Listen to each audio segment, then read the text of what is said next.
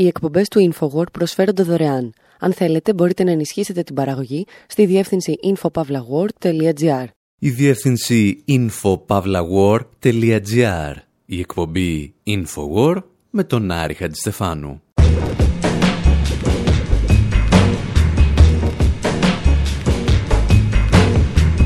Όπου σήμερα αφιερώνουμε μια ολόκληρη εκπομπή στον βασιλιά Elvis Presley, υποσχόμενοι να μην ακούσουμε ούτε ένα τραγούδι του. Επιβιβαζόμαστε σε μια Rolls Royce και ταξιδεύουμε στις λεωφόρους των Ηνωμένων Πολιτειών, αλλά και του Donald Trump. Ακούμε τον Ethan Hawke να αναρωτιέται πώς γίνεται να είσαι ο βασιλιάς της βιομηχανίας του θεάματος και να σε βρουν νεκρό και υπέρβαρο σε μια τουαλέτα στα 42 χρόνια. Υποπτευόμαστε ότι ο Φρανκ Ζάπα είχε ελαφρώς διαφορετική γνώμη από τους U2 και τους Queen για τον Elvis, αλλά σίγουρα θα απολάμβανε τα καντήλια που του κατέβαζε ο Chuck D, των Public Enemy.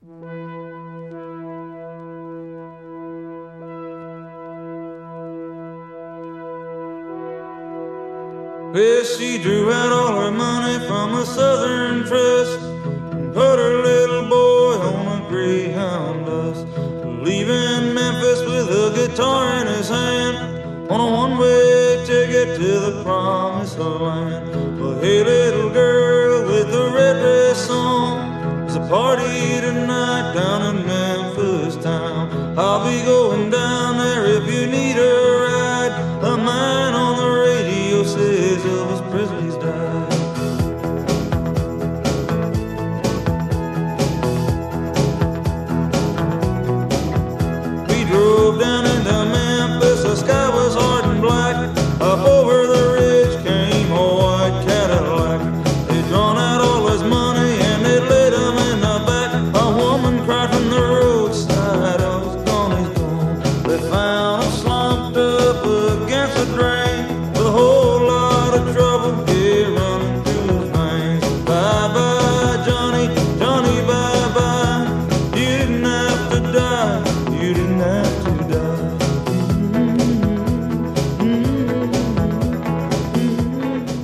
Bruce Springsteen σε ένα από τα πιο σπάνια τραγούδια του δανείζεται λίγο από το ρυθμό του Born in the USA αλλά και τον Johnny από το Johnny B. Good του Chuck Berry. Και όλα αυτά για να πει το τελευταίο αντίο στον Elvis Presley. Ο Bruce Springsteen τραγουδά για ένα παιδί που ξεκίνησε από το Memphis για τη γη της επαγγελίας με μια κιθάρα στο χέρι.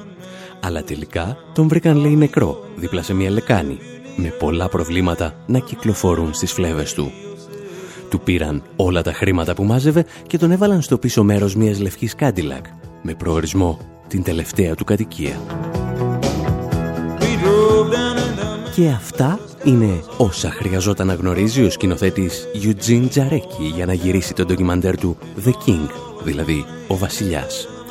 Το οποίο ντοκιμαντέρ κυκλοφόρησε την περασμένη εβδομάδα στις Αμερικανικές αίθουσες. The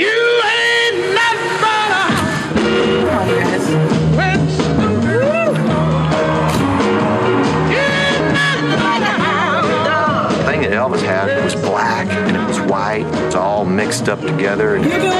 And He was the voice of the country at its best and at its worst. America is great when America does great things. Well, America's been doing a lot of bad things. I think that the American dream was always someone's fantasy and someone else's drunken nightmare. Oh, make us sad, make us sad.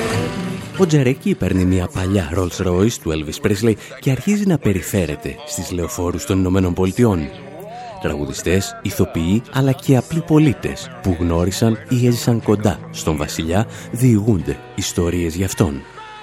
Και οι περισσότερες από αυτές τις ιστορίες θα μπορούσαν να συνοψιστούν σε αυτή τη φράση του Ethan Hawke. Elvis at every turn picked money. Should I stay at Sun Records? Should I go to RCA? Well, there's more money RCA. Ο Elvis με κάθε ευκαιρία κυνηγούσε το χρήμα. Έλεγε να μείνω στη Sun Records ή να πάω στην RCA. Έχει πιο πολλά λεφτά στην RCA, οπότε πάμε εκεί. Να υπογράψω συμβόλαιο για μια ταινία στην οποία δεν θα έχω κανένα καλλιτεχνικό έλεγχο. Είναι το μεγαλύτερο συμβόλαιο της ιστορίας, οπότε ας το πάρουμε. Να κάνω μια περιοδία όπως θα την ήθελα ή να πάρω ένα συμβόλαιο με το οποίο θα καταλήξω στο Las Vegas. Σε όλες τις περιπτώσεις έδινε προτεραιότητα στο κέρδος. Και που κατέληξε χοντρός και νεκρός σε μια τουαλέτα στα 42 του χρόνια.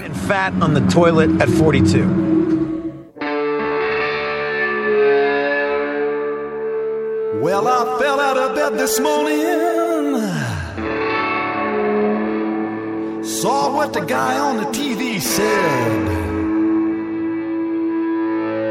The big rock awards crowned a brand new king.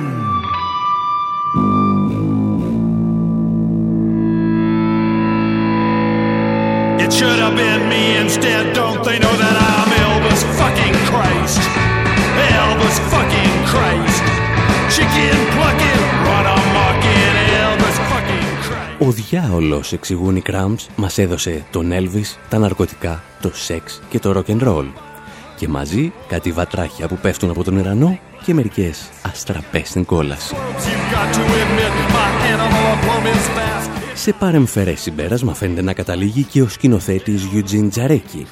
Για αυτόν όμως η άνοδος και η πτώση του Elvis Presley είναι περισσότερο μια αλληγορία για την άνοδο και την πτώση της Αμερικανικής Αυτοκρατορίας. I got a she-devil orgy in the Twilight Zone shit. Το ταξίδι και το ντοκιμαντέρ του Τζαρέκη πραγματοποιείται το 2016, όταν η προεκλογική εκστρατεία του Ντόναλτ Τραμπ και της Χίλαρη Κλίντον βρισκόταν στο αποκορύφωμά της.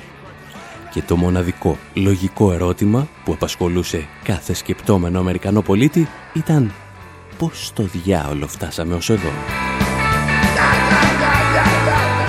Ερώτημα που προσπάθησε να απαντήσει και ο ίδιος ο σκηνοθέτης μιλώντας στην Amy Goodman του Democracy Now! What's more inextricable from the American dream than Elvis Presley? And yet, as he rose, we rose. As he plateaued and Δεν υπάρχει τίποτα πιο αλληλένδετο με το αμερικανικό όνειρο από τον Elvis Presley.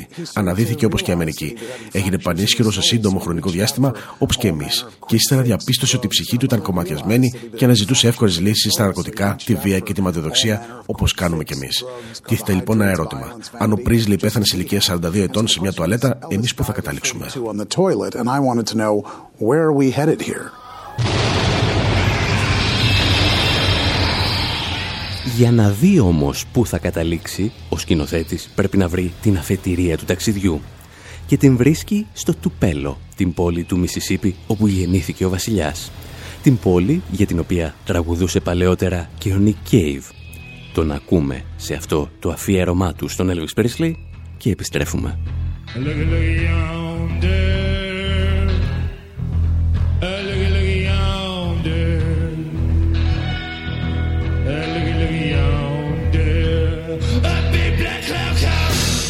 There's a big black cloud come. Yeah, come to Tupelo. Yeah, come to Tupelo. Yeah, yonder on the horizon. Yonder on the horizon. Stop the mighty river. And suck the damn thing dry. And suck the damn thing dry.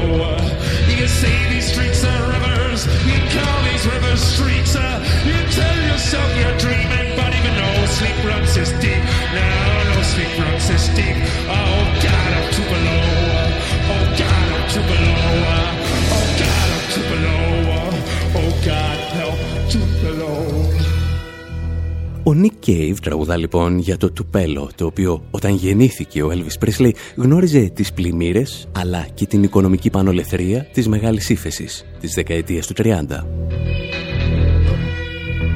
Ο Presley θα γεννηθεί δηλαδή στη μεγαλύτερη κρίση που είχε γνωρίσει μέχρι τότε ο καπιταλισμός. Θα μεγαλώσει μάλιστα δίπλα στα σημαντικότερα θύματα αυτής της κρίσης, τους μαύρους των νότιων πολιτιών της Αμερικής και από αυτούς θα αρχίσει να απαλωτριώνει τα πάντα. Όπως λόγου χάρη μερικά από τα τραγούδια και τους ηλεκτρικούς blues του Jimmy Reed.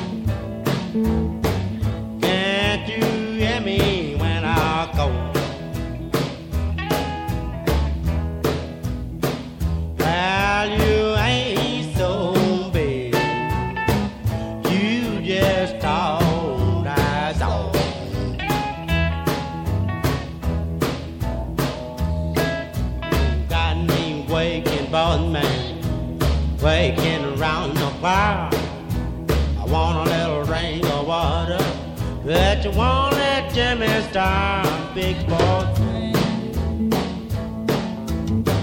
Can't you hear me when I call. Well, you.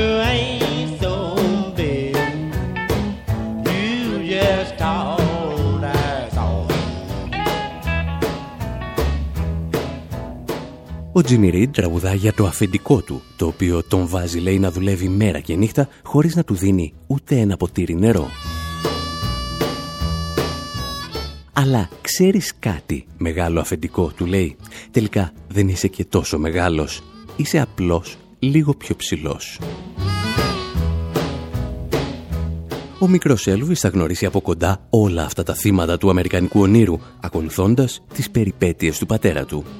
Ενός πατέρα που τον μεγαλώνει σε ένα λιόμενο και για μερικούς μήνες τον εγκαταλείπει, παρά τη θέλησή του. Πρέπει, βλέπετε, να εκτίσει μερικούς μήνες στη φυλακή για μια ακάλυπτη επιταγή που είχε εκδώσει. Και όταν με αυτά και με αυτά η πόλη του του Πέλο δεν τους σηκώνει πλέον, φεύγουν οικογενειακώς για το Μέμφις. Εκεί όπου ο Έλβης θα ξεφύγει από τις τάχτες της οικονομικής κρίσης και θα γίνει το πρότυπο του αμερικανικού ονείρου. You ain't so big. Το μόνο πρόβλημα βέβαια ήταν ότι το συγκεκριμένο όνειρο δεν ήταν για όλους. Όπως εξηγούσε πρόσφατα ο σκηνοθέτης Eugene Τζαρέκη. Ήταν μόνο για τους μεγάλους λευκούς άντρες. Well, I went across the country in Elvis's car to try to understand what had happened to the American dream or what the American Ταξίδεψα σε όλη τη χώρα με ένα αυτοκίνητο του Elvis Presley για να δω τι απέγινε το Αμερικανικό όνειρο ή μάλλον τι ακριβώς ήταν αυτό το Αμερικανικό όνειρο. Γιατί βέβαια, όπως μαθαίνουμε όλο και περισσότερο, το Αμερικανικό όνειρο δεν ήταν για όλους. Ήταν για τους ισχυρούς λευκούς άντρες. Δεν ήταν για τους μαύρους ή για τις γυναίκες. Για την ακρίβεια, δεν ήταν για κανέναν εκτός από τους λευκούς άντρες.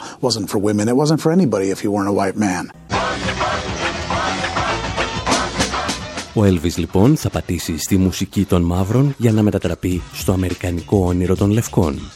Και ο Τζακ Ντί, τον Public Enemy, δεν θα του το συγχωρέσει ποτέ. Ακούστε τι του έσουρνε.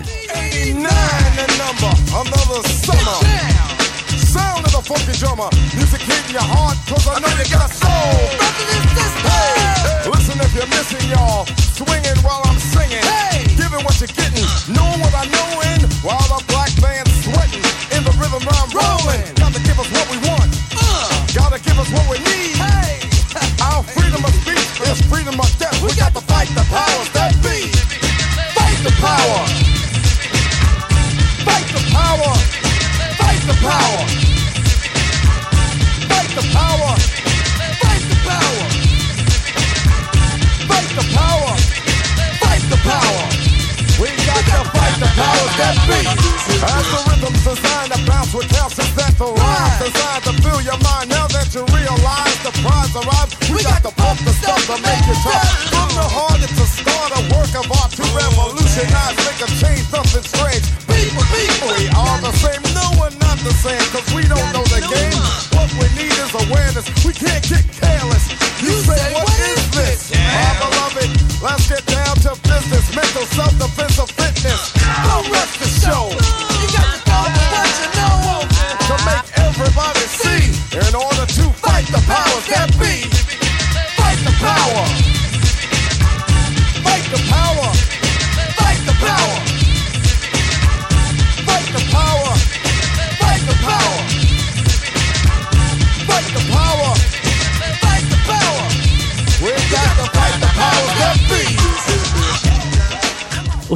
Τσακ Ντί, τον Public Enemy, δεν έχει κανένα πρόβλημα με το γεγονός ότι ο Elvis Presley έκλεψε τη μουσική των μαύρων.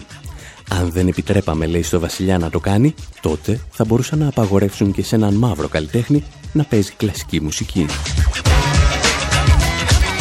Το πρόβλημα του Τσακ D ήταν ότι ο Elvis Presley ήταν λέει ένα καθήκη και ρατσιστής και ήταν τέτοιος απέναντι στους ανθρώπους τις δημιουργίες των οποίων δανείστηκε. Και του το έλεγε καθαρά, όχι μόνο στους στίχους του Fight the Power που ακούμε, αλλά και στο ντοκιμαντέρ The King. Elvis was a hero the most, but he never meant to me. Straight up racist. Για τους περισσότερους ο Elvis ήταν ένας ήρωας, αλλά για μένα δεν σήμαινε τίποτα. Αυτός ο Καρι ήταν ένας απλός ρατσιστής. Αυτός και ο John Wayne. Mother him and John Wayne. Elvis was a hero to most, but he never meant shit to me. You see, straight up racist. The sucker was simple and plain. Motherfuck him and John Wayne. Cause I'm black and I'm proud. I'm ready, I'm hyped plus I'm amped. Most of my heroes don't appear in no stamp. Sample look back, you look and find nothing but rednecks for 400 years if you check. Don't worry, be happy. Was a number one jam. Damn if I said you could slap me right here. Get it? Let's get this party started right. Right on. Come on. What we got to say? Παραδόξως, ο Elvis Presley υπήρξε και ο ίδιος θύμα του ρατσισμού εναντίον των μαύρων, παρά το γεγονός ότι ήταν λευκός. Όταν ακούστηκαν τα πρώτα του τραγούδια στο ραδιόφωνο, αρκετοί ακροατές αναρωτιόντουσαν γιατί οι σταθμοί άρχισαν να παίζουν ξαφνικά τη μουσική των νέγρων.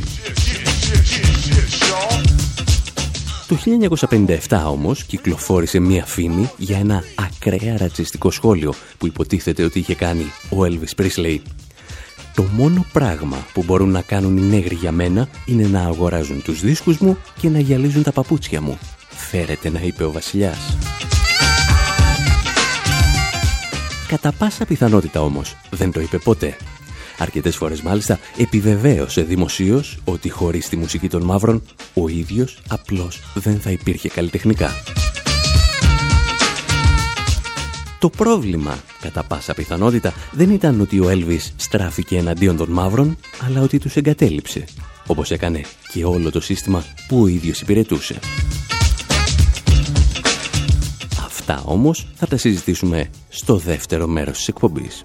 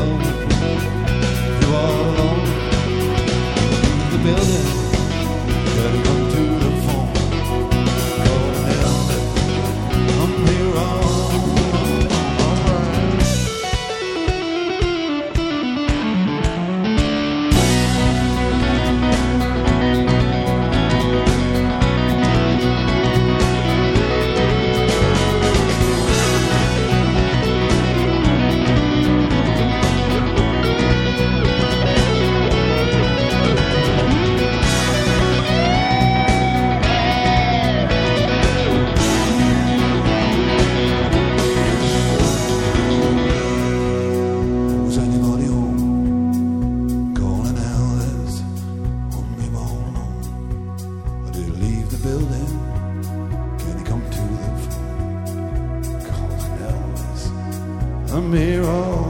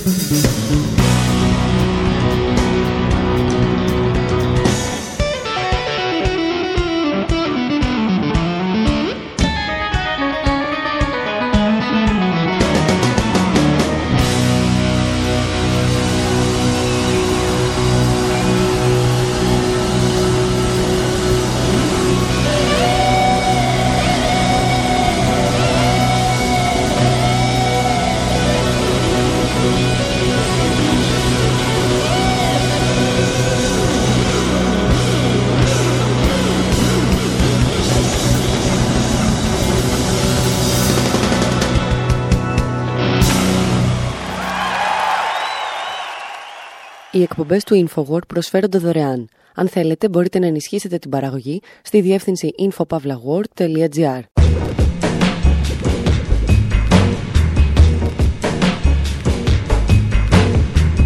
Εκπομπή InfoWord, μέρος δεύτερο. Όπου συζητάμε για τον βασιλιά Έλβης, όχι σαν σουβλάκι ή σαν ρώσικη σαλάτα, αλλά σαν μια αλληγορία για την άνοδο και την πτώση της Αμερικανικής Αυτοκρατορίας από το Δεύτερο Παγκόσμιο Πόλεμο μέχρι τις μέρες μας. Τον παρακολουθήσαμε να γεννιέται στην καρδιά της μεγάλης ύφεσης της δεκαετίας του 30 και να στείνει την καριέρα του στη μουσική των μαύρων του Μισισίπη και του Μέμφις. Και τώρα έχει έρθει η στιγμή στην οποία ο Έλβης θα μπορούσε να αποπληρώσει αυτό το δάνειο. Αλλά δεν το έκανε ποτέ. Ladies and gentlemen, Elvis has just left the building.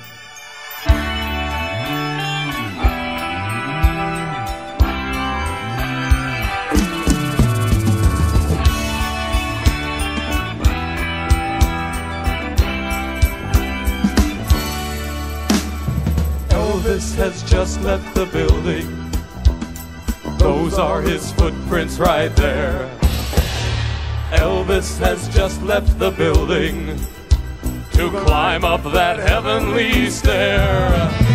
He gave away Cadillacs once in a while. Had sex in his underpants, yes, he had style. Bell bottom jumpsuits, that's them in a pile. But he don't need them now, cause he's making Jesus smile. Elvis has just left the building. Here he goes! Those are his footprints right there.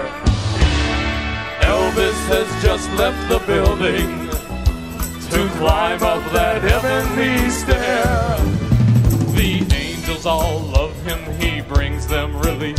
with droplets of moisture from his handkerchief. Cherubim and seraphim whiz over his head. Jesus, let him come back. We don't want Elvis dead.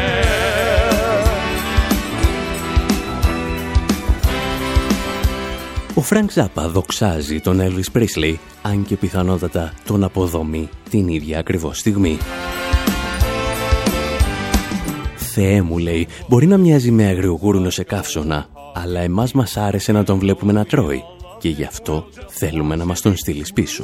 Take down the foil from his hotel. Για την ιστορία, ο Φρανκ Ζάπα ονομάζει το τραγούδι του «Elvis has just left the building», η οποία ήταν η φράση που χρησιμοποιούσαν οι διοργανωτές των συναυλιών, ώστε το κοινό να σταματά να υστεριάζει και να ζητά την επιστροφή του στη σκηνή. Και το ερώτημα είναι, τι ακριβώς έκανε στη ζωή του αυτή την τρομακτική ισχύ την οποία είχε συγκεντρώσει εκτός από το να την μετατρέπει σε χρήμα; Καθώς η Αμερική γνώριζε το μεγαλειώδες κίνημα για τα δικαιώματα των μαύρων και λίγο μετά το αντιπολεμικό κίνημα, ο Elvis Presley παρέμενε σιωπηλός. Και ως γνωστόν, σε αυτές τις περιπτώσεις, εάν δεν είσαι μέρος της λύσης, είσαι σίγουρα μέρος του προβλήματος. Elvis has just left the building. Ή, όπως μας θύμιζε ο Chuck D, τον Public Enemy, αυτόν τον Elvis δεν τον είδαμε και ποτέ να διαδηλώνει δίπλα στον Martin Luther King. You see Elvis in the middle of no civil rights marches, did you? Say that again? I said you did not see Elvis in the middle of no civil rights marches. Ο Έλβης λοιπόν εγκαταλείπει τους ανθρώπους τους οποίους οφείλει την μετεωρική του ανάδειξη στο μουσικό στερέωμα. Ηγείται μιας μουσικής επανάστασης τη στιγμή που γύρω του εξελίσσεται μια αληθινή εξέγερση. Και για αυτήν δεν έχει ούτε λόγια ούτε έργα να δείξει.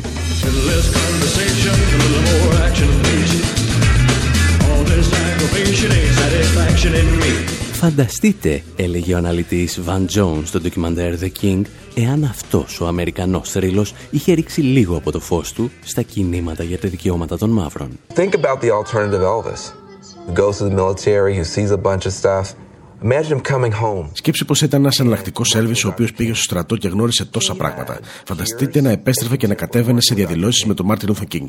Πολλοί σύγχρονοί του ήταν πολύ πιο γενναίοι. Ο Μάρλον Μπράντο διαδήλωσε με τον Μάρτιν Λούθερ Κινγκ. Η Τζέιν Φόντα συναντήθηκε με τους Μαύρους Πάνθηρες. Dr. King. Jane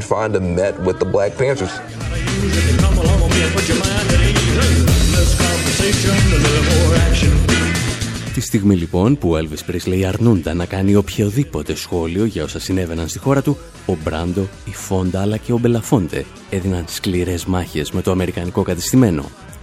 Και ο Μοχάμεντ Άλλη, σε αντίθεση με τον Elvis που διαφήμιζε τη στρατιωτική του θητεία, αρνήθηκε να παρουσιαστεί για να σκοτώνει ανθρώπους στην άλλη άκρη του πλανήτη.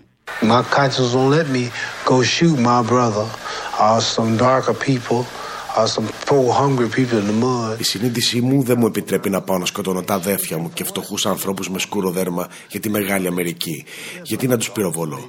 Δεν με αποκάλεσαν ποτέ νέγρο. Δεν έστειλαν σκυλιά να με κυνηγάνε, δεν βίασαν ούτε σκότωσαν τους γονείς μου. Γιατί να τους πυροβολήσω. Γιατί να σκοτώσω μικρά παιδιά, μωρά και γυναίκες. Δεν θα τους πυροβολήσω και αν θέλετε βάλτε με φυλακή. Them poor people. Just take me to jail. We'd gone in search of the American dream. It had been a lame fuck around, a waste of time. Ίσως με αυτές τις ιστορίες στο μυαλό, οι Dead Kennedys πήραν τα όνειρα του εύκολου πλουτισμού που οικοδομούσε ο Elvis Presley στο Las Vegas και τα τίναξαν στον αέρα.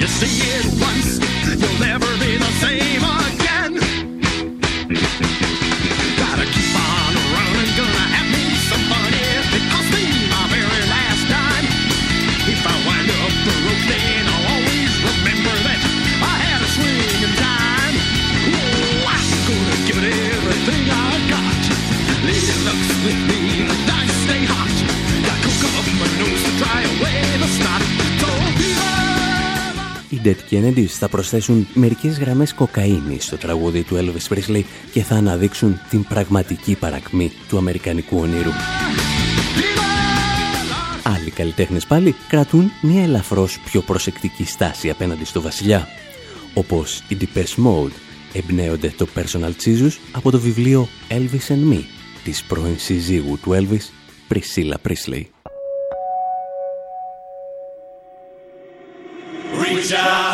space.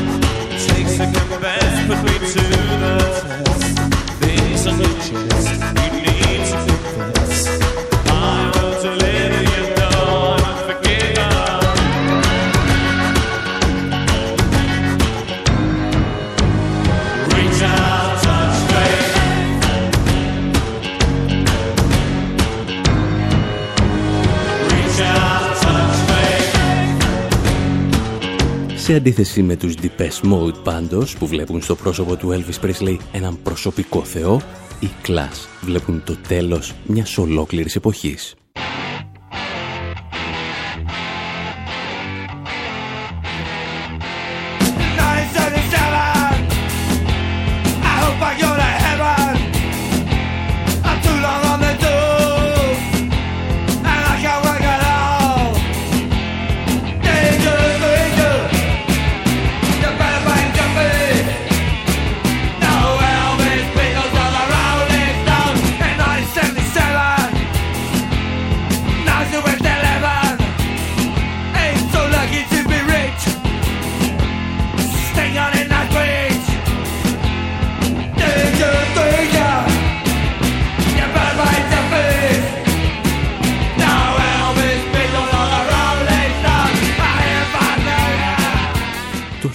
1977 θέλω να πάω στον παράδεισο γιατί δεν αντέχω άλλο στο επίδομα ανεργίας, τραγουδούσε ο Τζο Στράμερ, για να συμπληρώσει όχι πια Elvis, Beatles και Rolling Stones. Η βρετανική εκδοχή δηλαδή σε αυτό που ο Τζίμις Πανούσης έλεγε όχι άλλο νταλάρα, πάριο και αλεξίου.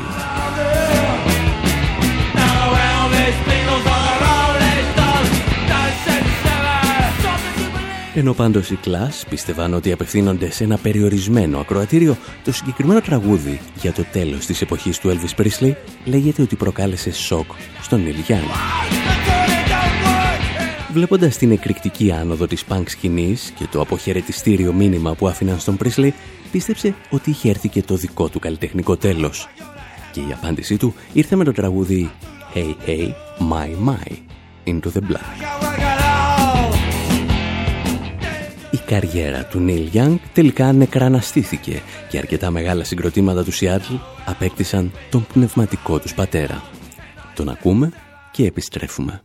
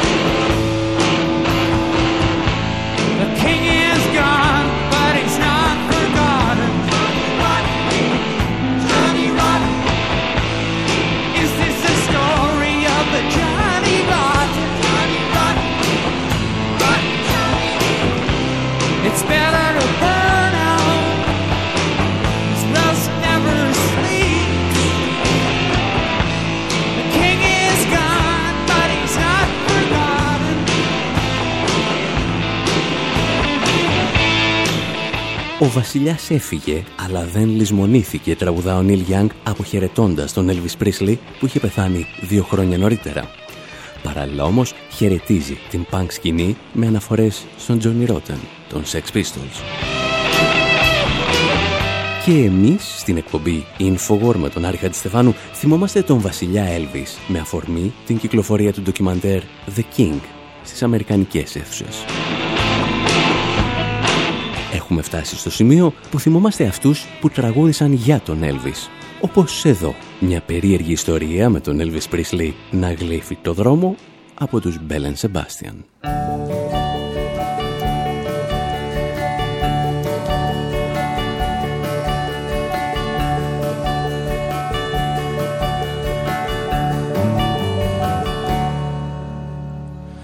Were sitting in the living room on the sofa the wrong way round, looking out the window. It was quiet, and then in the car park across the road we saw Elvis.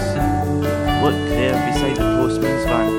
He was walking round the postman's van, looking in the open door. He looked as if he was thinking about getting in, but then the postman came back, and he swaggered off, walked past the window and down the stairs, and then the bottom of the stairs up to the caretaker's office. Started licking the pavement. Every night now since we moved into that new house, there's this noise outside the door just about half seven or eight o'clock every night. Now if we go and look outside the door, Elvis will be standing there waiting to be let in.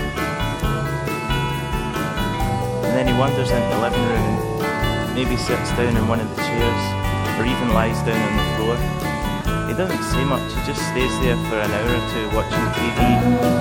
We talk to him a bit, and then around 10 o'clock, he'll go away again, and not come back for the next night.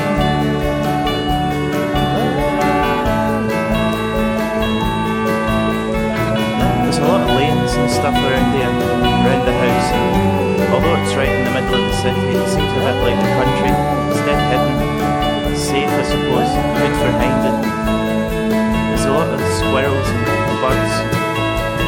And Stuart says he's seen about nine foxes there when he's jumping over the fence on his way to Byers Road. Sometimes you can go out walking and when you've been out for a wee while, even you don't know where you are anymore. So it'd be pretty hard for anyone else to find you. I suppose that's that's why he spends so much time there. That's why he's came to live there. Or maybe it's just the squirrels. I read about somewhere that he likes squirrels quite a lot. Ο Elvis Presley μπαίνει στο σαλόνι του τραγουδιστή και είναι κάτι ανάμεσα σε έναν αγενέστατο επισκέπτη που σου πειράζει τα πράγματα και μια πατρική φιγούρα που ήθελες να ξαναδείς. And one time when he came round, we were watching. Λιγότερο μπερδεμένοι πάντως στα συναισθήματά τους για τον Elvis θα εμφανιστούν οι Queen, οι οποίοι του αφιερώνουν το Crazy Little Thing Called Love.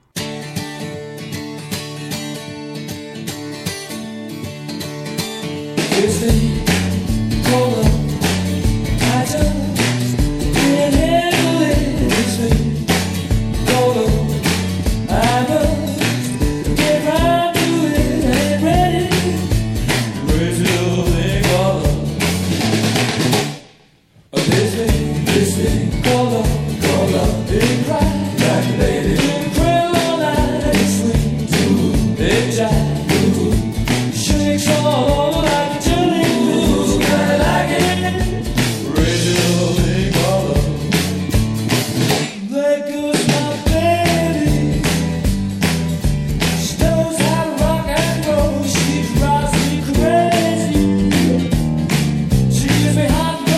She leaves me in a cool, cool sweat.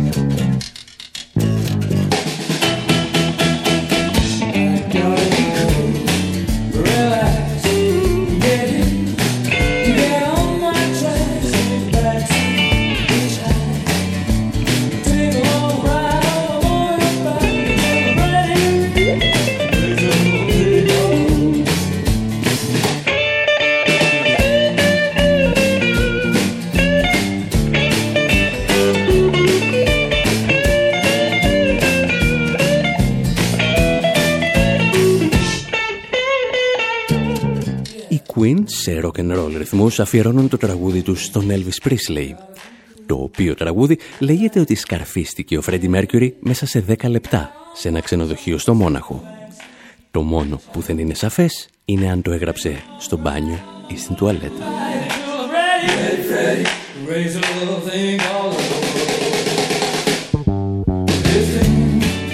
Εμείς πάντως κάπου εδώ και με τέτοια φιλοσοφικά ερωτήματα λέμε να σας αφήσουμε και για αυτή την εβδομάδα. Να σας θυμίσουμε να μας ψάχνετε στη διεύθυνση info.pavlawar.gr όπου σύντομα θα ανεβάσουμε και νεότερα για τα γυρίσματα του νέου μας ντοκιμαντέρ με τίτλο Make the Economy Scream. Ένα ντοκιμαντέρ που δυστυχώς αποκτά νέα επικαιρότητα καθώς αποκαλύφθηκε ότι ο Ντόναλτ Τραμπ ζητά επίμονα στρατιωτική εισβολή των Ηνωμένων Πολιτειών εναντίον της Βενεζουέλας. Μέχρι πάντως την επόμενη εβδομάδα από τον Άρη Στεφάνου στο μικρόφωνο και τον Δημήτρη Σταθόπουλο στην τεχνική επιμέλεια, γεια σας και χαρά σας.